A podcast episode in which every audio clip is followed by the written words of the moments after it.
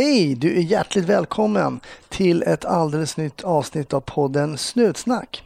Jag heter Hasse Brontén och Bosse heter dagens gäst. Det visade sig inte vara en klassisk Bosse enligt mina fördomar utan en annan Bosse. Eh, du kommer snart förstå varför. Han kommer berätta om en situation som gjorde honom väldigt stressad bland annat och om vad han jobbar med idag. Gillar du podden Snutsnack så är jag jättetacksam om du prenumererar på den på iTunes. Skriv gärna en positiv recension om du tycker den är bra. Du får gärna tagga Snutsnack om var du är någonstans när du lyssnar på podden. Är, sitter du i båten? Är du ute på en promenad eller sitter du i karantän? Eh, delge gärna mig det, vore intressant att se.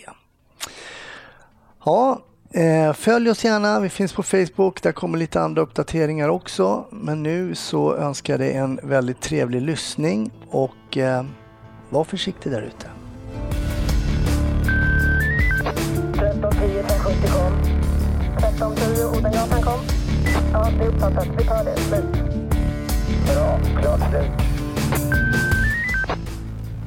Varmt välkommen till Snutsnack Bosse. Tack. Det är ju så här när man hör när man får, jag fick så här tips, du ska intervjua Bosse i, i TV-polisen. Ja men då får jag upp en bild av Bosse. Men jag kan säga att du motsvarade inte mina förväntningar för en Bosse. Jag tänkte på någon som kanske är något äldre än mig, eh, vilket ju är helt felaktigt. Eh, och så tänker jag mig en svennebanan och det är du inte heller i grunden. Nej, det är jag inte. Ska vi förklara för lyssnarna varför mina, för, mina fördomar eh, inte stämde? Ja, precis. Jag är faktiskt första generationens invandrare. Jag kom till Sverige när jag var två från Kina med Ah. mina föräldrar. Just. Eh, och jag heter Bo Xiao Pan. Eh, men jag blev trött på att behöva förklara mitt namn när jag svarade i telefon varje gång så att då blev mitt smeknamn Bosse. Ah. Eh, och rent tekniskt sett så heter jag faktiskt Bo Xiao Pan. Så att Bo blir ju naturligt Bosse. Ah, Okej, så ah, det är två egentligen två, Två namn. tecken. Och det är ett X där. Yes. Och sätta det i ett namn för svenska, det är ju det är Nej, lätt. jag har hört Boxai, jag har hört- Boxiano, Boxian. Ett N är väldigt populärt att lägga in i mitt namn av någon konstig anledning. Det finns inget N. Okej, Men det är just Xet och att det är på tok för mycket vokaler, det ställer till det för folk tydligen. Ah, intressant. Jag fick ju faktiskt förmånen att eh, ta en fika lite med några av dina kollegor i din grupp här som du jobbar med i Täby och då, då berättade du just att ehm, att du kom från Kina när du var två år och, Mm. och sådär. Det är intressant. Och det är så mycket saker som man inte tänker på. Du sa att till exempel vid lunchen här, vilket absolut inte har någonting med polisiärt arbete att göra, att du lärde dig att äta med kniv och gaffel först på dagen. Ja. Ja, jag lärde, mig, jag lärde mig svenska på dagis, jag lärde mig äta med kniv och gaffel på dagis, för det gjorde jag ju inte hemma. Eh, och jag har inte sett Sällskapsresan, jag har inte sett de här Disney-klassikerna på svenska, utan första gången jag hörde Lejonkungen-sången på svenska så undrade jag vad det här var för ny cover. Eh, så det, det, ja, nej, men det har varit ganska spännande att växa upp i, i dubbla kulturer nu i efterhand när jag tänker på det nu. Ja, vad intressant. Men um, var är du uppvuxen någonstans då? När, när ni kom till Sverige, var kom ni då? då? I, I Stockholm. Eh, vi bodde i Kungshamra i Solna. Båda mina föräldrar är eh, forskare Okej, ja. inom kemi och eh, pappa är professor till och med på KTH. Eh, och såklart så var kemi mitt sämsta ämne i skolan. eh, jag vägrade be om, be om hjälp från farsan. Det var ju det var en riktig sån prestigeförlust. Eh, Så att eh, Solna bodde vi och sen flyttade jag till Täby då när eh, jag blev lite äldre och började spela badminton i, i Täby och flyttade till Täby. Har alla kompisar i Täby och Just jobbar i Täby. Så då blev det, blev det Täby. Men du berättade här med att växa upp med dubbla kulturer och sådär. Var det någonting du kände av när du träffade kompisar som inte hade kinesiska föräldrar? Var det några saker som Ja, du märkte någon skillnad? Det var ju också ganska intressant för just, just Kungshamra eller Bergshamra i Solna där, det är ju ett studentområde. Mm. Eh, eller mycket utlandsstudenter som, som bor där. Så att, så att på dagiset så var jag, det var jag och så hade mina två bästa kompisar, en hette Cornelius, blond, blåögd, ursvensk och så en hette Gabbe, eh, kom från Gambia, kolsvart. Så att jag visste liksom inte vad rasism var heller förrän jag fick lära mig om det i skolan. Ah, Så det var också så här okej. helt skevt. Eh, Så att jag har liksom inte jag tänkte inte på det när jag var liten. Nej. Tills man började lära sig och förstå att ja, men det här är en grej. Fan vad nice att liksom så, alla kan se ut på lite olika sätt och nu latchar vi liksom. Ja. Ja. Men eh, sen när du växte upp och sådär, jag tänker tankarna kring vad du ville jobba med. Jag bara gissar nu att du kanske inte vill jobba med kemi då, då som din pappa. Jag gick ju faktiskt i mina föräldrars fotspår väldigt länge. Jag gick matte NO-klass i högstadiet, eh, natur på gymnasiet. Jag började faktiskt på KTH eh, och gick där två veckor, sen var nollningen slut och var det inget roligt längre. Eh, och då kände jag väl att ja, men det, det var bara det var teori hit, teori dit och jag ville jobba med något mer praktiskt. Eh, så jag hoppade av skolan eh, och googlade praktiska yrken och polis var det första som poppade upp. Okej. Och så blev det. Ja. Så det var, det, Kände du någon som jobbade inom polisen eller hade du någon Nej, inte som jobbade inom polisen men jag kände en, en badmintonkompis hade sökt till Polishögskolan samma år. Ah, Okej, ja. Han kom inte in men jag kom in så att han är polis nu men jag brukar skoja om det att han sökte först men jag kom in först. Så du hade egentligen ingen liksom ehm, Ingen större koll sådär på polisutbildningen eller polisyrket? Nej, inte alls förutom alltså, barndomsdrömmen att det är häftigt med polisen och blåljus och alltså, så när, när man är det. riktigt liten. Ja, men precis. Men efter det så hade jag inte en tanke på det förrän det poppade upp på Google-sökningen helt enkelt. Vad sa eh, morsan och farsan då Oh. när, när du skulle liksom söka ett yrke som absolut inte var speciellt akademiskt? Ja, det, det, var, det var tufft för dem tror jag. Ehm, fa, ja, farsan fick ju i, I den kinesiska kulturen så är det ju den som är äldst som, är, som bestämmer. Mm. Eh, och pappa är ju nummer fem av sina sex syskon. Ja. Så han var ju tvungen att ringa hem och förklara sig för sin stora syster då som är äldst. Ah. Varför det sket sig om man säger så. Ja, det var så? Ja, så eh, det, det, det tog en del förklaring och det tog en del eh, motivering. Men sen när de insåg att, att polis ändå är, är ett statusyrke i Sverige och det är svårt att komma in och det är så här tuffa krav så ehm, Så, så då var det mer accepterat. I Kina är det tydligen väldigt lätt.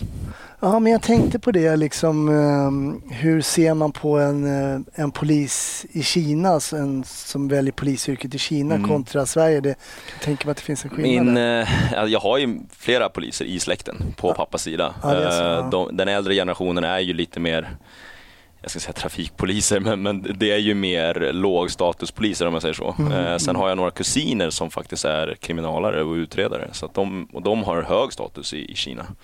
Men det är ju två helt olika grejer där. Ja, okej, okej.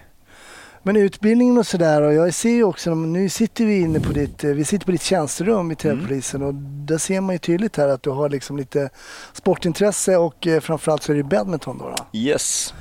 Eh, Jag spelade badminton sen, ja, sen jag var bebis höll jag på att säga, med mamma och pappa. Och sen Mm. så blev det seriöst när jag började i Täby badmintonförening. Eh, och sen som spelare var jag väl aldrig riktigt så bra. Jag hade inga nerver tydligen. Alltså, alltså.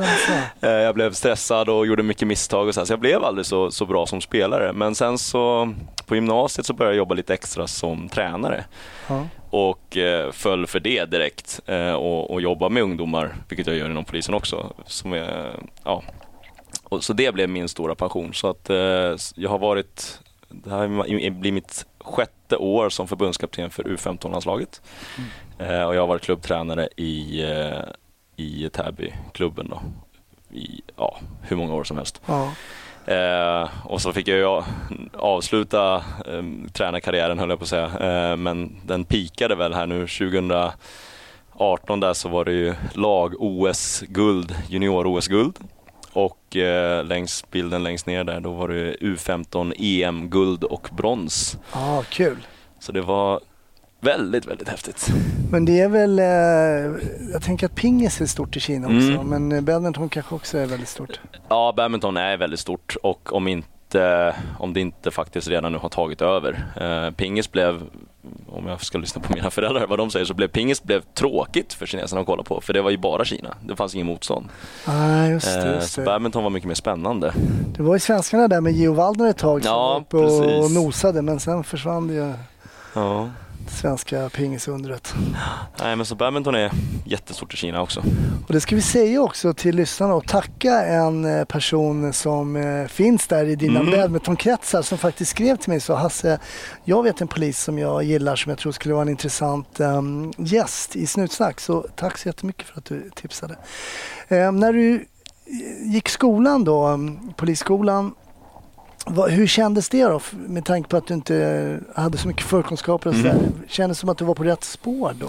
Ja, men det gjorde det ändå. Eh, Det kändes rätt och, och jag hade ju jobbat, alltså i och med att jag hade jobbat som tränare väldigt länge innan jag blev polis så, så kände jag ju ändå att det här, just det här med att jobba med folk eh, och hantera, hantera situationer, eh, det, det funkade, det bara klickade. Så Mm. där kände jag väl att det, det, det satt naturligt för mig. Mm. Sen var ju juridiken och allt det där var ju en helt ny värld Mm. eh, för mig och hur, hur, hur man ska tolka ja, hur man ska läsa, läsa lagtext och, Mm. och eh, lära sig befogenheter och så här. Eh, Så det var väl den större, större delen. Sen så hamnade jag, jag var näst yngst eller yngst i min kull. Okej. Eh, De andra var eh, några år äldre i alla fall. Hur gammal Eh, var du när du började? På Jag var ung, jag var 21. Mm. Och det var ju på den tiden som, som man var tvungen att vara 21 innan man kunde söka. Så Mm. jag, jag var ju första år som man säger så. Eh, sen var ju resten ja, men 26, 27, 28, 30. Mm. Eh, så att det blev också lite annorlunda. Jag har inte, det blir ju tvärtom för mig. Jag har jobbat med ungdomar så jag är van att jobba med 13-åringar. så just helt plötsligt så blev det tvärtom. Så var det var du yngst. junioren. Exakt. Ja. Hur var det då? Ja, men det var ju... Det var, det var både bra och dåligt. Eh, eller dåligt ska jag inte säga, men, men det bra var ju att jag kunde få mer hjälp. Mm. Eh, mer erfarenhet delad till mig. Jag behövde inte vara den som behövde kunna allting. Eh, men samtidigt så blev det ju för min del att, att jag, har, jag har, har ju en naturlig auktoritet när jag jobbar med ungdomar. Mm. För jag är äldre, jag är tränare, det blir automatiskt så. Mm. Men den fick jag jobba hårdare för i, när jag pluggade och verk- verkligen växa in i polisrollen. Att, att ta över rummet och fylla rummet och, och, och känna att man har mandat. Den, den var svårare för mig att, att gå in och, och styra och ställa över folk som var äldre än mig. Mm. Eh, och det kände jag av även i, i tjänst när jag var klar. Att här kommer jag 23 år gammal och ska säga till två 50-åringar hur de ska leva sitt liv. Det blir jättekonstigt. Ja, precis. Jag var också 21 precis som du och jag kan känna igen mig i den lite grann. Mm. Att man kände sig lite junior i vissa tillfällen, vilket man ju också var då. då men, Mm. Men du kände av det alltså. Var du, när du var färdigutbildad som polis, kom du till Täby då eller? Eh, Jag var, gjorde aspiranten i Norrtälje. Okej. Eh, Då var ju Norrtälje och Täby samma polismästardistrikt. Eh, Mm. Så jag sökte Täby men fick Norrtälje. Eh, Och sen så var jag där i ett år ungefär och sen kom jag till Täby.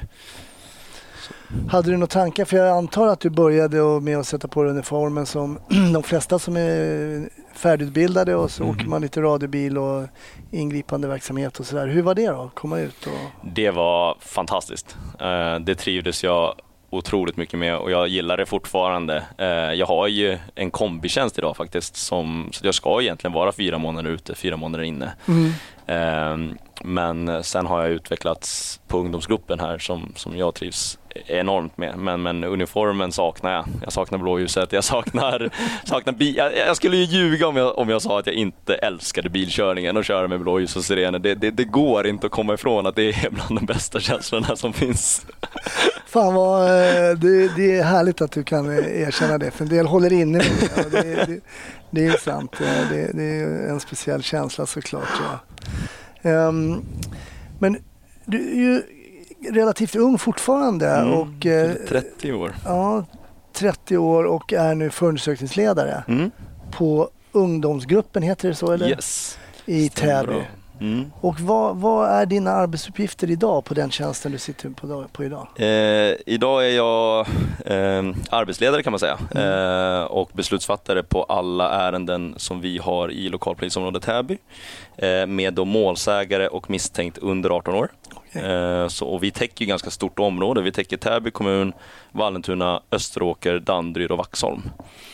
Eh, så att, eh, ja, då jobbar, nu jobbar jag ju inne och jobbar Mm. med, med utredningssidan och driver utredningarna och tar beslut. Så. Har ni att göra?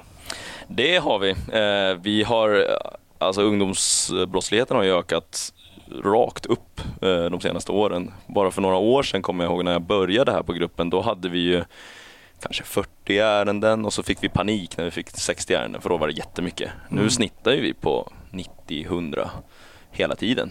Eh, så att det, det är väldigt mycket att göra. Vad kan det ligga för om vi skulle smita förbi dina kollegors rum här, nu ska jag inte göra det, men, men om man skulle bara liksom exemplifiera ungefär, vad ligger det för, för ärenden på deras bord just nu? Mm. Liksom? Vad, vad, skulle du kunna berätta för lyssnarna hur det ser ut ungefär Ja, det ligger ju mycket i de här vanliga, om man säger så fortfarande. Ringa stöld, det gamla snatteriet som man döpt om nu. Eh, olovlig körning, mycket trimmade mopeder, trimmade A-traktorer. Eh, men sen är det mycket mer våldsbrott. Det är mycket mer misshandel, alltså slagsmål. Det är mycket mer hot över sociala medier. Snapchat kan vara det sämsta någonsin uppfunnit för ungdomar. Eh, för att det självsanerar och det enda man lär sig är att man inte behöver stå för vad man säger. Eh, Hur tänker du där? Jag, Ja. Jag vet ju vad Snapchat är. Jag Mm. hade det någon gång för ett tag sedan men jag tog bort det. Jag insåg det. Jag är inte 13 år. Eh, Men man går ju upp, lägger, man tar en bild och eh, man lägger en rolig kommentar. Ja, eh, nästan. Snapchat är ju en, en, en, chatt. Det är det ju. Så man lägger till kontakter och så skickar man då chattar eller ja men... Tar man inte bilder? Jo, precis. Ja. Men man, man skriver ju då, om, om du tänker dig ett sms fast med bild. Just det. Eh, Just det. och så tar man då och skickar den här direkt i bilden och man kan också skriva i chatten Mm. eh, utan bild. Eh, och man kan se på snapkarta då som är väldigt roligt, att man ser vart man är någonstans. Mm. Eh, och så kan man lägga upp saker på story som ligger uppe i 24 timmar och så. Mm. Men den stora kicken och den stora skillnaden med Snapchat är att det självsanerar. Det det är designat så att när, om jag skickar en bild till dig med ett meddelande, när du har öppnat den och läst vad det står, då försvinner det. Ja, just det. Just det. Så är det ja. Eh, Mm. Och om du nu skulle vilja skärmfota eh, mitt meddelande, då kommer jag se det. Då kommer det skickas en notis till mig om att nu har Hasse skärmdumpat din, ditt meddelande. Just det. Så är det. Och så kan man ställa in tid så att, att mitt meddelande visas i en sekund till dig. Eh, så att det var ju väldigt mycket nakenheter som spreds på Snapchat i början. Mm. Eh, men så att, ja, men, men problemet där tycker jag är att, att det som händer är att ungdomar lär sig att de, det de skickar, det finns inte kvar. Det, det, det, det, det sparas inte och det går, kommer inte gå att bevisa om någon skulle hävda någonting. Eh, för att det, ja, men det självsanerar, det försvinner. Mm. Eh, och det märks tydligt att det är mycket ungdomar som skriver saker på Snapchat, mycket, mycket mer nu uppfattar jag det som. Eh, att, att de skriver saker som de inte menar, som Okej. de sen ångrar att de har skrivit. Mm. Men de tänker sig inte för och de lär sig inte det heller på samma sätt som förut när det var att man skrev på eh, Facebook Messenger. Då finns ju allting kvar. Mm. Jag fattar. Så den, den konsekvensbiten försvinner naturligt när de bara skriver på Snapchat. Just det, så är det. Tack för att du förklarade för mig och säkert för en del av våra andra lyssnare också lite mer förtydligat vad det är. Just det, det är att bilderna försvinner. Okej, och då ser ni då eh, att man hotar någon till exempel Mm. eller så beter sig illa över Snapchat. Sådana ärenden har ni också. Ja, jättemycket hot eh, över Snapchat. Eh, övergrepp i rättssak där de hotar att inte anmäla till polisen och inte, inte gola. Eh, som de säger, inte, inte prata med, med någon vuxen överhuvudtaget. Eh, och sen har vi, vi har ju haft väldigt mycket personrån. Ungdomsrånen har gått upp enormt. Eh, Mm. och där är det mer, nästan mer regel än undantag att man i samband med det skickar ett hot på Snapchat eller skickar ett hot på något sätt och säger att men anmäl inte det här till polisen. Mhm. Man kombinerar alltså Mm. sociala medier med liksom ett annat brott. Mm.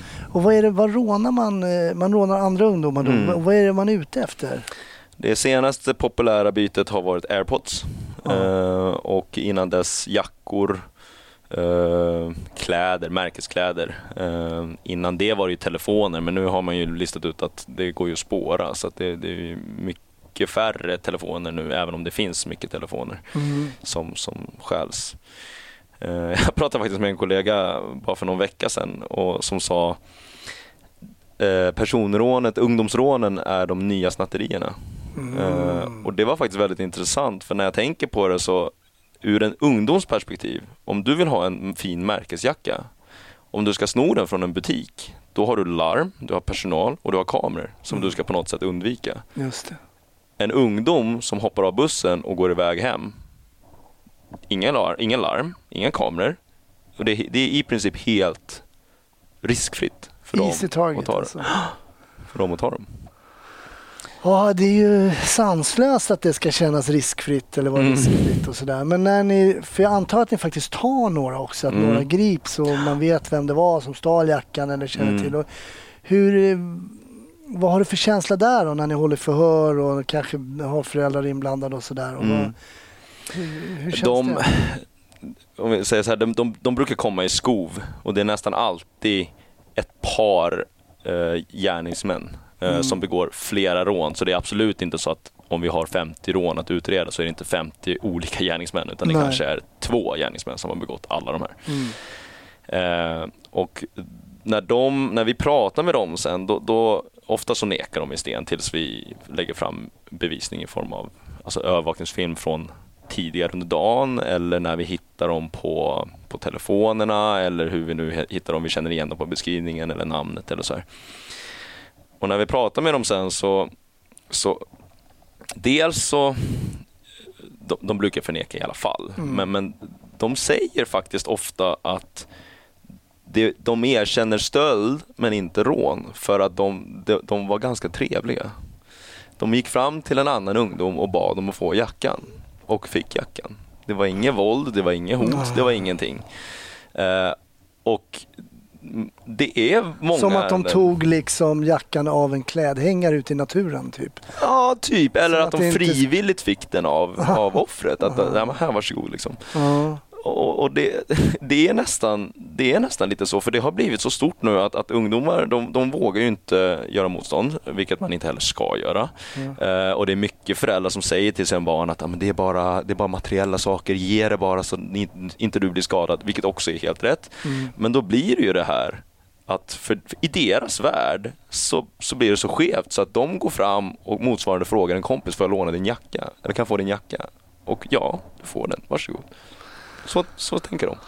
Har ni inga case där någon säger så nej, fuck you, du får inte min jacka. Jo då, det har vi också. Eh, och då blir det oftast våldsamt. Eh, Ja. Våldsamt och hotfullt. Och det är Så hotet knivar. ligger där då, det är icke, ett icke uttalat hot så att säga då, och det vet Precis. de många ungdomar om då eller? Mm. Ja, det är det. Och många, de här kända personrånarna hos oss, de som begår många rån, de är oftast kända bland ungdomarna också. De vet vilka det är. Och de har gjort ett namn eh, ute på, på byn. Att, att det här, jag är tuff och farlig, gör som jag säger. Och vad händer då? De rånar de här killarna eller tjejerna på jackor. Och vad händer med de här jackorna då? Är det för sitt eget De- bruk eller är det för att... Både och. Eh, ibland så behåller de dem själva, och, men ofta så säljs de. Ja. Så det är snabba pengar för dem. Och är det Blocket eller är det, Det finns ju kompisar? eller- tusentals appar. Mm. Mm. och de s- Snapchat säljer de också på. De lägger ut på story på sin Snapchat att men nu finns det en jacka som jag säljer för x antal kronor. Mm. Och så är det någon som hör av sig och samma sak där, all bevisning försvinner ju sen. Ja. Ehm, så att, ja. Inte helt lätt eh, för den utredande konstapeln då liksom, Nej. när, när Nej, allting det det försvinner. Jag tänker på ibland eh, det här som du säger att man nekar, man nekar, man nekar och tills ni lägger fram någonting liksom, på bordet. Titta här, vi har det på... För jag tänker att förr i tiden så var det ibland att man säger ja, men jag erkänner, jag gjorde det här. Mm. Är, det- är, det, är, det, är det sällan ni får det klassiska liksom, ah, okej nu är jag tagen, jag... Det beror på, jag, jag ska inte säga att det är sällan, det är klart det händer och det Mm. beror mycket på vilken ungdom det är. Mm. Eh, De som begår mycket brott, de eh, blir ju ganska luttrade väldigt Mm. fort. Mm. Eh, och de andra, de, de vanliga ungdomarna om jag får säga så, där blir det oftast att de, de skäms, de ber om ursäkt eh, och vill, vill träffa Mm. De som har offret. gjort det någon gång menar du då? Ja, precis. Men, men oftast när det gäller rån så det går sällan så långt. Mm. Eh, att att någon helt okänd ungdom för oss begår ett rån. Det, det är väldigt sällan. Okej. Eh, Men de, det där är det mer typ en ringa stöld, att man har tagit någonting från en butik och så tycker man att det är jättepinsamt och skäms och vill be om ursäkt efter det. Men de här, om du säger att det är ett fåtal och sen så har du kan säkert ett namn på eh, en handfull som du skulle kunna räkna upp som du Mm. vet har stulit. Eh, Vad händer med dem? För det är väl oftast killar. Vad händer med de killarna? Mm. hur fortsätter ärendet om ni har fått dem i, Ja, fått tag i dem? här är ju den här stora känsliga pucken med eh, varför gör inte polisen någonting mot ungdomarna och varför tar man inte i med hårdhandskarna och den här diskussionen. För det går ju inte. Eh, med, den, med den befintliga lagstiftningen med straffrabatt eh, så är det så otroligt osannolikt att det blir någon form av frihetsberövande åtgärd från vår sida. Mm. Socialtjänsten kopplar vi på såklart och de kan, kan ta en ungdom och eh, tvångsvårda om man säger så, Mm. eh, av olika skäl. Eh, men det finns ju inte någonstans i socialtjänstlagen att man ska skydda tredje man. Nej. Så att personrån är inte tillräckligt för att socialtjänsten ska, ska ta ungen och vårda. För då blir det så här, vårda för vad? Mm. Ett narkotikabrott däremot, då, är, då funkar det. För då, då förstör ju ungdomen för sig själv. Mm. Men att förstöra för andra ingår liksom inte riktigt i socialtjänstens uppdrag. Just det, Och där, har ju, där, där hamnar ju vi i kläm för att om, om vi säger då, eh, vi, vi säger att vi har ett personrån och så säger vi att vi har eh, för enkelhetens skull ett, ett års fängelsestraffskalan på, den, Mm. på den här, just det här specifika rånet, säger vi. Eh, ett, och då är det 100% för en 18-åring. Om det är en 17-åring så är det då en, nu ska jag tänka här så att jag säger rätt, en fjärdedels, nej, en tredjedels straffrabatt. Mm. Eh, en 16-åring en fjärdedels straffrabatt och en 15-åring en femtedels. Så att det blir liksom ingenting kvar. Eh, och då, då blir det inga, inga alltså frihetsberövande åtgärder. Så vi, Mm. vi, det är klart att vi kan gripa en ungdom, men att hålla dem över natten, det går nästan aldrig. Nej. Åklagaren går inte med på det och domstolen går definitivt inte med på det.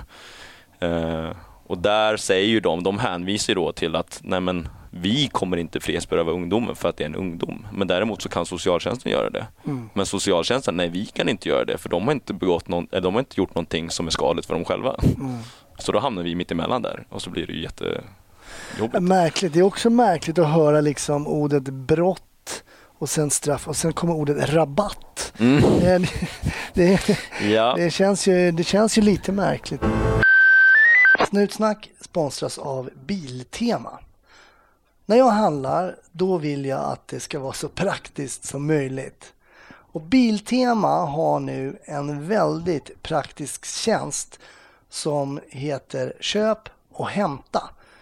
Och Det är så enkelt som det låter faktiskt. Du går in eh, på, på nätet och så går du in på Biltemas hemsida, beställer de varor som du har varit intresserad av och så hämtar du dem i närmsta Biltema-varuhus redan inom två timmar. Det är ju faktiskt otroligt bekvämt och man sparar en ruggig massa tid och så är också den här tjänsten helt gratis, vilket ju är toppen. Så att eh, Biltema är istället att besöka på nätet. Men Biltema, det är så att man ska inte lägga kanske vikten på ordet bil utan mer på, på ordet tema hos Biltema för där finns ju verkligen allt. Eh, alltid något för alla. Det är liksom tema bil och båt i och för sig men också tema trädgårdsprylar och tema fritidsutrustning, tema grill och tema cykel. Det kan man välja. Det finns massa produkter som, som passar hela familjen där. Har du en cykel så kan du också beställa den. Får den färdigmonterad eh, när du kommer och hämtar den och det kan ju vara skönt. Då kanske det tar mer än, än två timmar. Men in och testa det. Biltemas nya grej där. Köp och hämta. Ja, men du sa ändå innan vi kom in eh, på det här liksom att du trivs väldigt bra på den här Mm. gruppen. Eh, du har kanske också lite kopplingen till att du jobbar med ungdomar Mm. också eh, på din fritid i badminton och så här. Men varför är det roligt att jobba på en ungdomsgrupp så här som du gör? Alltså dels så, min, min grupp här, vi, vi är lite smått sjuka i huvudet. det, det ska sägas. Vi har väldigt högt i tak, vi, vi skämtar och vi skojar med varandra och vi, vi är en väldigt öppen familj känns det som. Så att jag, bara grupppersonligheterna i gruppen i sig är fantastisk. Så det är en av de stora anledningarna till varför jag trivs. Mm. Eh, men sen är det ju just det här med ungdomar, att, att jag känner väl att, att just det här med att jobba med ungdomar, det är någonting som faktiskt kan ge någonting. Mm. Jag sitter hellre och pratar med en ungdom i flera timmar för efter en kanske ringa stöld Mm. eller ett ringa narkotikabrott. Det behöver inte ens vara allvarligt, men, men jag sitter jättegärna och pratar med den här ungdomen och försöker få rätt sida på den här ungdomen eh, i flera timmar. Hellre det än att prata med en 45-årig pundare där livet är kört. Alltså, det ger det kommer inte ge någonting. Det jag gör kommer inte ge ett skit mot den personen. Eh, men däremot en ungdom, där om någonstans ska, tycker jag att vi ska lägga energi. Eh, för det ger mycket. Nej, men intressant därför att vi var ju precis inne på och pratade det här med, med straffet och den här rabatten och så vidare. och så vidare. Vilket kanske i vissa fall för en polis kan vara frustrerande därför man vill fånga bovar och man vill se att liksom den här boven då gjorde det här och för det så fick de liksom avtjäna eller något sånt där. Men man kan ju också men känna en typ av tillfredsställelse som inte har då kanske och det är väl det du är inne lite på nu som inte kanske har specifikt med liksom eh, straffet att göra Mm. eller den juridiska påföljden. Har du känt några gånger eller vid några tillfällen att liksom, ja men nu gjorde jag eller vi i min grupp liksom skillnad i det här Mm. Har, har du känt det någon gång? Massor. Eh, massor med gånger. Eh, och det, det är många gånger som, som det blir, när, när man, ibland av någon konstig anledning så klickar man bara med en ungdom. Eh, och det kan vara någon som har gjort något riktigt hemskt. Eh, och det kan också vara någon som bara har gjort en, en jätteklantig, Mm. typisk sån ungdomsofogsgrej. Men av någon anledning så klickar man. Eh, och när man börjar prata med ungdomen och börjar liksom vända och vrida på hur de tänker på, eller hur de ser på rättssamhället och det här liksom med det här är ditt, det här är mitt, jag ska inte ta det som är ditt och den här integriteten att ja, men jag slår inte folk så. Eh, jag, jag gör inte någonting som drabbar någon annan. Att när man börjar prata om det och man börjar bonda och när de börjar vända själva, Mm. det är något helt magiskt. I, I min grupp jobbar vi en hel del med, med eh, social insatsgrupp, heter det. Eh, Där man bygger liksom ett team med olika aktörer som en ungdom behöver för att få rätsida på, på sin problematik. Eh, och det, är så, det ger så mycket energi att jobba hårdare när man har haft en ungdom som vi kanske har haft ett 20-30-tal ärenden på som bara spårat fullständigt. Och så har man jobbat med den här ungdomen och så träffar man dem ett halvår senare och de är helt normala tonåringar. Går i plugget, det går bra, skaffat jobb, skaffat körkort, allting funkar. Eh, jag har till och med fått folk som har, som har tackat mig efteråt Även fast vi har haft liksom en brottningsmatch. En löpningsmatch ute i Gribbelund här i Täby och sprang. Jag tror vi sprang i säkert 3-4 minuter. Han, han var snabb. Men jag gav mig inte. Eh, och till slut så, så ramlade han ihop för han var så trött och så var det en liten brottningsmatch eh, och så bara skrek han på vatten. Eh, och efter det så, så det blev någon form av ömsesidig respekt. För han, jag respekterade honom ändå rent professionellt att ja, men det här är ändå en individ som jag, ska, som jag ska hantera. Jag behöver inte göra någonting mer än vad jag behöver göra. Mm. Och han någonstans respekterade mig att ja, han förlorade ju den här löpmatchen mot mig. Mm. Eh, och så satt vi och pratade jättelänge efteråt. Eh, vi väntade på att hans vårdnadshavare skulle komma för vi skulle hålla förhör med honom. Eh, och det här var ett ringa narkotikabrott. Så det var egentligen en liten skitgrej. Men så pratade vi eh, jättelänge när vi väntade på, på vårdnadshavaren där och han och när jag, när, jag, när jag frågade honom om hans pappa, hur det var, jag frågade honom hur det var hemma. Jag frågade hur han hade det med pappa och mamma. Eller han pratade mycket om mamma och då sa jag, men hur har du det med pappa då? Då vart han tyst och så kom det tårar. Så då förstod jag ju att allt, det är någonting som inte är helt rätt. Mm. Eh, men då, då bondade vi och då klickade vi och sen när jag träffade honom något halvår senare så hälsade vi som att vi var kompisar. Eh, och han tackade och tyckte att det var ett bra, bra ingripande trots att det blev en lite tumult. Mm. Eh, och berättade liksom att det går bra nu hemma och han har löst problem med pappan och, och så här. Intressant. Ja, ja det ger Intressant. sjukt mycket energi. Ja, jag förstår det. Vi pratade i början där, där mina fördomar kring att möta en Bosse. Och så visade det sig att det, det inte var den Bosse som jag trodde riktigt. Jag tänker på din bakgrund, att dina föräldrar kommer från Kina och sådär. Hur, hur, hur har det varit då? Har det varit några, har du kunnat använda det till din fördel liksom? Att du inte är klassiskt, eller har det varit någon nackdel? Har du, har du kunnat reagera på det? På, Ja, jag har ju en naturlig fördel i och med att jag, jag, jag är ju kines och ser asiatisk ut så, så har jag ju kunnat dra den när, när, när vissa ungdomar drar det här rasistkortet och säger så här, men det här gör du bara mot mig varför jag är invandrare. Då brukar jag titta på honom och som att han är dum, dum i huvudet och så titt, pekar jag på mig själv och säger hallå. Eh, och så säger jag så här och frågar "Var- vart är du född någonstans? Ja, men jag är född på Danderyds sjukhus. Ja, men jag är född i Kina så du kan ju dra någonstans. eh, och då brukar det bli lite pinsamt för dem när de inser vad de har gjort. Så, eh, så det är ju en fördel, absolut. Men du får ändå höra, de, du får ändå höra, du, de drar ändå rasistkortet. Ja, men det, det har kommit några gånger eh, och sen så har ju de liksom så här, eh, man ser nästan på dem att när ordet är ute ur munnen hur de vill suga tillbaka ordet och ångra det de precis sa när de insåg vad det var de sa.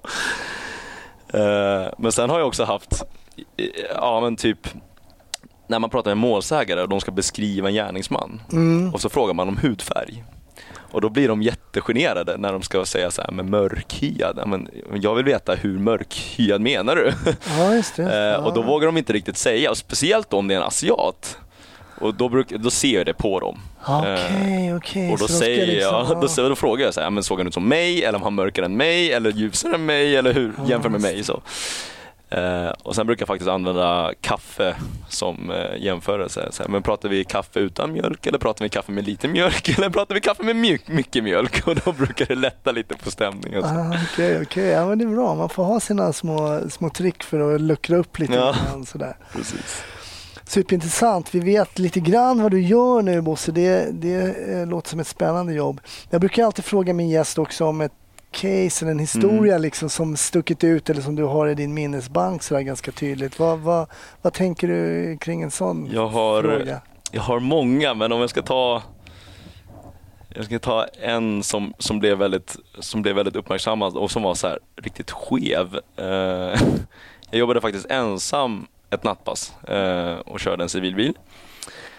Och, eh, Är det ofta att man... eh, Nej, inte längre. Det hände Nej. väl lite mer förut, men Ja. nu är det inte så mycket längre. Och då körde jag på motorvägen och det kom en bil och körde ganska fort. Inte så här fasansfullt fort, men, men 120 på en 90-väg eller sådär. Mm. Eh, och jag tänkte så här, ah, men jag har ingenting att göra, det har varit ganska lugnt pass. Så att, ja, men jag stoppar och kontrollerar den här bilen och säger åt dem att sakta ner lite så här bara. Så jag stoppar eller slår på blåljusen och de svänger in längs med kanten där och jag kliver fram. Men jag ser liksom inte föraren. Så jag Aha. tittar, tittar ju så här. Jag kan inte ta ut svängen allt för mycket för vi är ändå på mo- motorväg så jag kan liksom inte kliva ut i vägen och titta in i bilen. Nej, jag fattar. Men jag försöker liksom kika, men jag ser, jag ser ratten, men jag ser, liksom, jag ser radiopanelen, men jag ser ingen förare. Så jag tänkte, vad fan, sprang människan eller missade jag det? Vad, vad, vad hände liksom? Och när jag kommer tillräckligt nära, då ser jag en stor mage sticka upp. Jaha. Då är det en höggravid kvinna som har fällt bak stolen så hon i princip ligger ner. Och så magen mellan ratten och sig själv och så sträcker hon ut armarna för, och når precis ratten. Och hon är i verkar. Oh, wow. Eh, Så jag får panik eh, och hon sitter där och skriker och jag får panik och jag, jag skriker åt henne och bara ut ur bilen, in i min bil. Eh, och, så jag i princip sliter ut henne ur bilen och lastar in henne i min bil och sätter på blåljus och skriker och dundrar mot BB. Och frågar henne så här, vilket BB ska du till? Och bara pratar med henne och hon sitter och vrider sig och skriker i baksätet. Och jag hinner tänka tanken så här, hur fan ska jag förklara för min chef om hon, om hon föder i bilen här nu? Vad gör jag nu? Ska jag bara ta emot eller vad, vad gör jag liksom? Och jag var inte så gammal, jag var kanske 24. Så jag har aldrig varit med om någon förlossning förut sladdar in på akuten utanför BB och så är det då i Danderyds sjukhus. Så det, är liksom, det är BB Stockholm och så är det BB Danderyd eller vad det nu är. Så det är två olika BB och jag har ingen aning om vilka det är. Så jag, jag sladdar in med skriker och blåljus, hoppar ut ur bilen och bara skriker på personalen. Kom, hjälp mig, hon föder i bilen, hon föder i bilen. skriker. Så de är ut med rullstolar och så här, vilket BB? Skitsamma, ta, ta emot bara. Eh, Så hon in- på rullstolen, eller upp på rullstolen och så in, in i, i sjukan där. Och så tänker jag, så hinner jag någorlunda lugna ner mig lite grann och så tänker jag så här, vad fan hände precis? Och så tänker jag, men hennes bil står ju kvar på motorvägen, den måste jag ju hämta. Och då måste jag ju ringa en kollega som kan hjälpa mig att köra bilen. Men alltså ingen kommer tro mig. Ingen kommer tro mig om det här. Om jag ringer och frågar. Jag ringer befälet och så, så här, ja, ja, men vi åker väl och hämtar bilen. Så här. Jag åkte och hämtade bilen, parkerade utanför BB, så, här, så fick jag höra från sjukvårdspersonalen att allt hade gått bra. Så, så det Hon födde precis. hon också. födde precis när hon kom in där. Så det var en riktigt sån surrealistisk upplevelse. Det där har man inte heller någon utbildning på. Liksom. Eh, men ja, du, du var mest nervös för att de skulle börja leverera där i baksätet. Ja, alltså jag hade fullständig panik och tänkte så här, vad fan gör jag om hon börjar föda i bilen? Men vad, jag tänker så här, um, jag tänker då så här, du har ju utbildning då, du har HLR och du har ABC och chock och blödning och allting och det här är ändå en, en hyfsat naturlig händelse kan man väl ändå säga att det kommer ett barn till världen. Men du kände ändå att det var så pass långt ifrån din... eh, Det här var så långt utanför min comfort zone man bara kunde komma. Jag Just hade just inte det. en blekaste aning om vad jag skulle göra. Jag var så att jag ska linda in henne i vår lilla spyskynke i baksätet eller vad ska jag göra med, med liksom människan? Ja, det gick bra i alla fall. Du sa en grej i början där som när vi pratade lite badminton och så sa du det att men, jag var duktig men liksom mm, kom inte ända riktigt upp. Jag blev lite nervös och Mm. stressen och så. här. Jag tänkte, men hur har det funkat då? För ibland i, som polis så kommer ju situationer när man blir både stressad och nervös och sådär. Har du känt att har det påverkat även den biten eller har du kunnat hantera det på ett annat sätt? Jag har, jag har nog växt in mig i det där. Alltså det blir ju lite så att ju, ju fler kaotiska händelser man, man hanterar desto bättre blir man. Mm. Eh, nu är det ju snarare så här, eh, man är ju helt nollad nu istället. Nu är det knappt så att jag får upp pulsen på, på eh, någon grej som för allmänheten skulle vara Mm. kaos. Mm. Men jag har väl varit mer under mina yttre tider när jag patrullerade i uniform så var jag väl mer jakthund. Eh, Mm. Jag jagade först, bet och tänkte sen. så att det, det, det tänkte jag på, eller det blev lite som mitt sätt att hantera det på. Mm. Jag bara gjorde. Jag gick på autopilot. Jag visste vad jag behövde göra. Jag ska fånga, jag ska fånga människan. Jag ska, jag ska stoppa den här situationen eller jag ska förhindra den här personen. Och det, var, ja, det var bara att göra. Eh, Så jag har liksom inte känt stress, alltså nervositet och, och inte kunna, att det låser sig. Det Nej, har liksom inte känts, eh, jag har aldrig märkt av det i tjänst. Förutom kanske en gång på Norrtälje när jag skulle skulle hålla, hålla förhör helt blodig. Det var, det var, lite, det var en, annan surrealistisk upplevelse. När du var blodig? Ja, eller det var inte mitt blod, men jag, jag, hela jag var blodig. Eh, okej, okej. Det var ju också en sån helt... Kanske var det lättaste förhöret du haft någonsin när de ser din... Det var nog det sämsta förhöret jag någonsin har hållit kan jag säga. Ja, det var så. Det var så. Ja, Ja, men har vi tid att dra den också? ja, ja för tusan. Det är klart vi har. Eh, ja, det var också en sån surrealistisk upplevelse där man, alltså just där, man vet aldrig vad som kan hända i polisyrket. Det är Mm. en av tjusningarna. Ja. Det börjar med att jag ska, jag ska jobba natt. Eh, vi sitter på station i Norrtälje, vi käkar kladdkaka med vispgrädde för de som fyllde år och hade bakat. Vi väntade på att kvällen skulle komma in med bilen så att vi kunde ta deras bil för nattpasset. Och då ropar de ut pågående knivslagsmål Norrtälje torg. Och det är bara en minut från station. Oh, just. Så vi flyger in i en bil, ut där eh, och det enda jag tänker på är okej, kniv, det är mycket folk, det är mitt på torget, det finns en uteservering, kniv, jag ska alltså använda skjutvapen om jag behöver det, vart ska jag skjuta någonstans?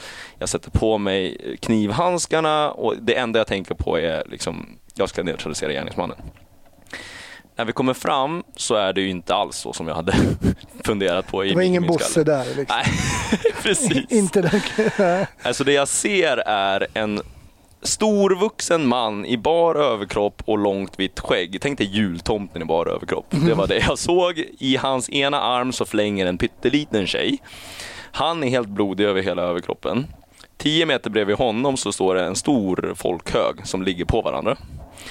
Eh, och då får jag reda på att gärningsmannen ligger längst ner i den här högen. Folk har ingripit och Mm. brottat ner honom. Offret är jultomten som Okej. fladdrar runt där. Och det är hans dotter som håller i honom för han är helt rabiat och vill slå ihjäl gärningsmannen. Så dottern försöker hindra honom. Hon är Ah, pytteliten och han är jättestor. Eh, Vad är det för ålder på dottern ungefär? hon är väl i 20-årsåldern ungefär. Okej. Eh, så det är inget, inget barn, men hon är Nej. kort. Mm. Det var det jag menade med liten. Ja, men jag förstår. Ja. Ja. Och sen så, ja, jag får ju då i order att ta hand om målsägaren. Så jag går fram till honom, jag har ingen skjutvårdsutrustning, jag har knivhandskarna på mig, för det enda jag tänkte på var att jag skulle skjuta eventuellt. Eh, så att jag går fram till honom och då har han ett 2-3 centimeter jack strax över vänster bröst under nyckelbenet där någonstans och det bara pulserar blod Tomten. ja, det bara pumpar blod ur, den här, ur det här såret. Eh, och jag tänker bara, okej stoppa blödningen, vad ska jag använda? Jag har ingen sjukvårdsutrustning. Jag stoppar in fingrarna. Så jag stoppar in fingrarna i såret och trycker. Och det rinner blod ner för handskarna, ner på, ner på min arm, ner till armbågen, liksom det rinner ner på uniformen, till och med, möss, till och med båtmössan vart blodig. Eh, och jag försöker lugna honom för han är fortfarande helt galen. Och så säger jag till honom vid något tillfälle att om du börjar, du har tappat ganska mycket blod.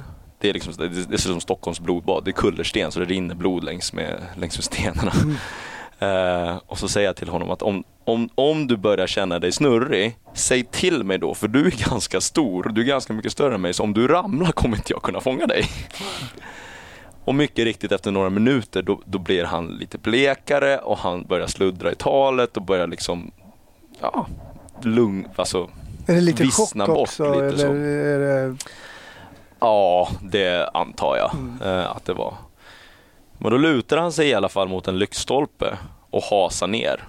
Och jag försöker hålla emot men det går inte. Alltså det är 120-30 kilos klassen. Så att det, han hasar ner och jag åker med efter. Eh, och så börjar han ja, men vissna bort och jag får panik. Eh, och bara tänker så här, ja, men, eh, var är ambulansen? För jag vet att det var en ambulans på väg. Eh, Så jag frågar honom så mycket jag bara kan komma på för att han ska hålla sig vaken. Så att inte han vissnar bort. Så jag frågar honom vad hans favoritdjur är, vad hans mellanstadiefröken hette, vad hans favoritfärg är och, och allt jag kan komma på. Innan liksom någon av kollegorna inser att nej, men ambulansen väntar ju en bit bort. De åker ju inte fram när på pågående äh, knivslagsmål. De väntar tills vi har säkrat platsen och ingen av oss har ropat på dem. Ja, jag förstår. Så ropar vi dit ambulansen och när de, jag kommer aldrig glömma den, den scenen. Alltså det, det var, nu har inte jag sett Stig-Helmer, men, men jag kan tänka mig att det är som en Stig-Helmer-film där ambulansen kör långsamt, lugnt och fram, parkerar lite snyggt där och ut kommer två långa rangliga ambulansförare, lite äldre så här och hasar sig framåt och tittar runt där och säger Jaha, vem ska vi ta först? Säger de lugnt och fint. Och jag viftar för glatta livet. Här, här, ta han! Här, kom hit nu! Och så kommer de fram och kollar lite på honom och jag berättar liksom vad jag har gjort och vad jag har, alltså jag har stoppat blödningen här och jag, han har liksom börjat vissna bort. Eh, och de säger så här, men ta bort handen så vi får titta på såret. Ja men det kan jag inte göra, det kommer spruta blod då. Ja men det är lugnt, ta bort handen så vi får se vad såret är. Och när jag plockar upp hand, eller när jag tar bort handen, då sprutar det blod och då säger han oj då! Ja men vad, vad, vad fan tror du? liksom. Tror du att jag ljög eller vad tror du jag menar? Och jag, hade nå- någonstans där så hade jag fått en sån här liten tryckförbandslinda. Okej, Men ja. jag kan inte använda den, det går ju inte att linda. Så jag tryckte in hela lindan istället i det. såret. ja, men det går ju en tillfällig lösning. Ja, det blev, det blev ju bra i alla fall. Eh, Så de är iväg där och lastade iväg och sen så säger befälet till mig, gå och hör folket som sitter på uteserveringen där borta. Det. Och jag, det, det, liksom, det, jag har blod över hela mig. Armbågen speciellt hade det liksom, där det runnit ner, där hade det ju koagulerat. Så när jag sträckte ut armen så flagnar blodet från, från min arm. Så det var jätte, jag kände mig fruktansvärt äcklig måste jag säga. Och jag måste ju ha sett ut som någon form av halloween-skräckfilm när jag kliver in där på uteserveringen. Killen ska- från slakteriet kommer och ska hålla för. och ska hålla förhör och då kände jag det här att, alltså vad fan gör jag? Jag kan inte göra någonting, jag kan inte tänka, jag kan inte, jag kan inte göra någonting. Så jag bara skriker ut på uteserveringen. Var det någon som såg något? Det var ditt förhör. Ja, det var mitt för. Ja, nej, men jag såg det här. Så det var någon som vinkade. Så här. Jag tror till och med jag glömde ta personuppgifter, alltså, eller ID. Jag, jag, det, var, det absolut sämsta för jag någonsin hållit. Nej, du var lite påverkad av det som hade hänt innan där helt klart. Det var det, det var jag absolut. Men jag tänker nu, nu sitter du här som FU-ledare. Eh, då är jag lite nyfiken i, eh, kring vad du gör. Låt säga när du är i min ålder, i 50-årsåldern. Mm. Vad, eh, jobbar du kvar som polis till exempel? Ja, men det tror jag. Alltså jag, jag tycker att det här är så sjukt kul eh, och det ger så mycket. Absolut, vi har väldigt tunga stunder och vi har väldigt, väldigt jobbiga tider, men i slutändan så det räcker med den här, de här enstaka personerna som vi på något sätt lyckas vända på eller de här brottsoffren som vi kan göra att de får lite, lite upprättelse eller lite självförtroende tillbaka. Mm. Det ger så mycket så att jag, jag, jag kan inte se mig själv göra någonting annat. Är det så? Du sitter inte och drömmer om någon tjänst Nej, om några år eller sitter och bläddrar i de här lediga tjänster? eller något sånt? nej jag gör faktiskt inte det. Nej, nej. Eh, Jag och en kollega pratade om det bara för inte jättelänge sedan och sa så här, men om du skulle vinna obegränsat mycket pengar på Lotto, vad skulle du göra då?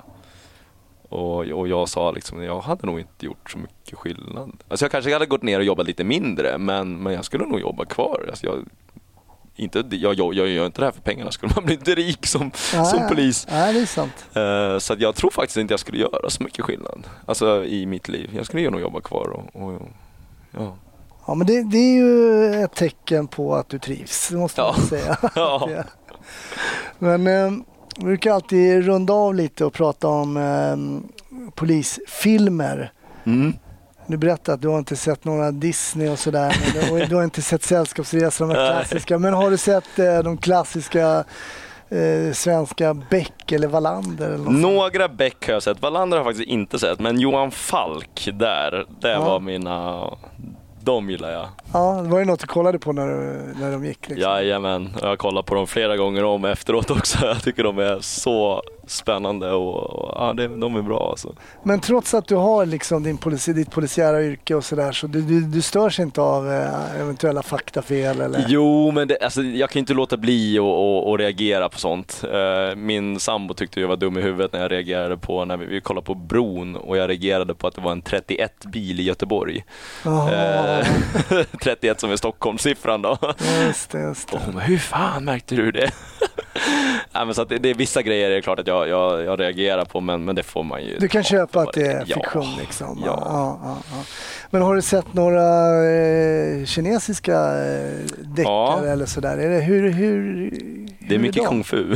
Ja, är det mycket kung Ja, fu? men det är det. det. Det skulle man ju säga att det hade ju varit en fördom att säga det, men det är det alltså. Ja, jo men det är det. Det är mycket kung fu-filmer, de gamla Jackie Chan, polishistorierna. De... Men lever de kvar också? I, alltså nu? Ja, men det tycker jag ändå att de gör. Eh, nu är det ju mer modernt såklart, men det är mycket kung fu. Alltså kung fu är ju så ingrott i kulturen att det här är det, liksom det häftiga. Så.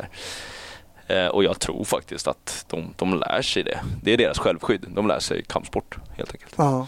ja, det är väl också väldigt stort. Ja, Pingis, badminton, kung fu. Precis. Ja, men okej då. Men om du skulle rekommendera någonting eh, till lyssnarna att kika på?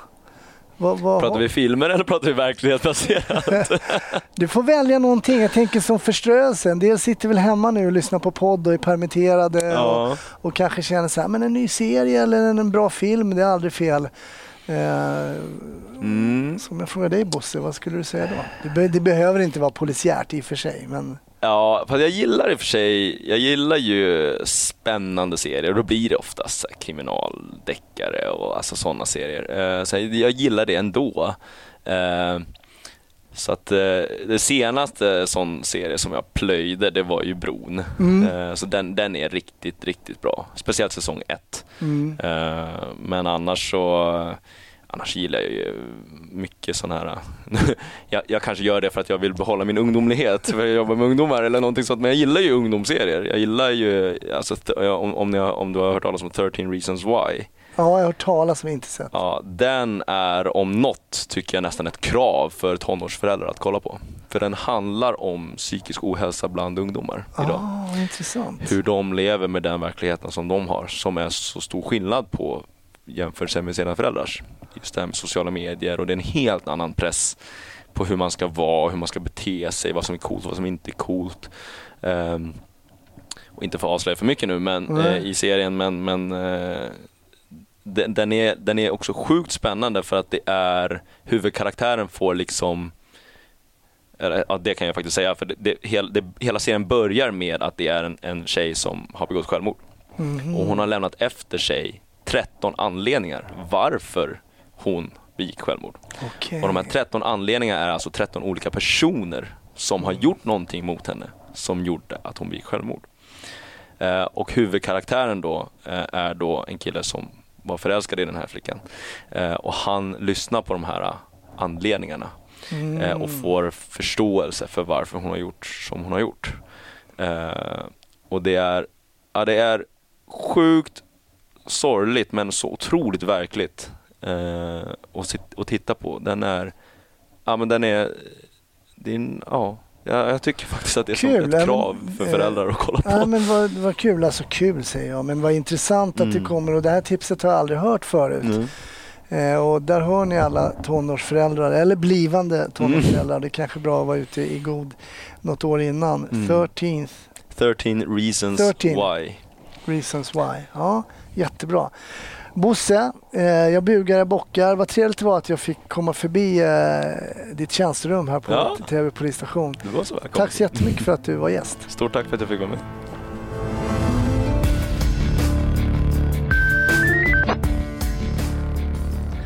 Snutsnack är slut för den här gången, men det är ju bara en vecka mellan avsnitten. Så ha fantastiskt bra vecka och eh, så hoppas jag att vi hörs i nästa. Hej då!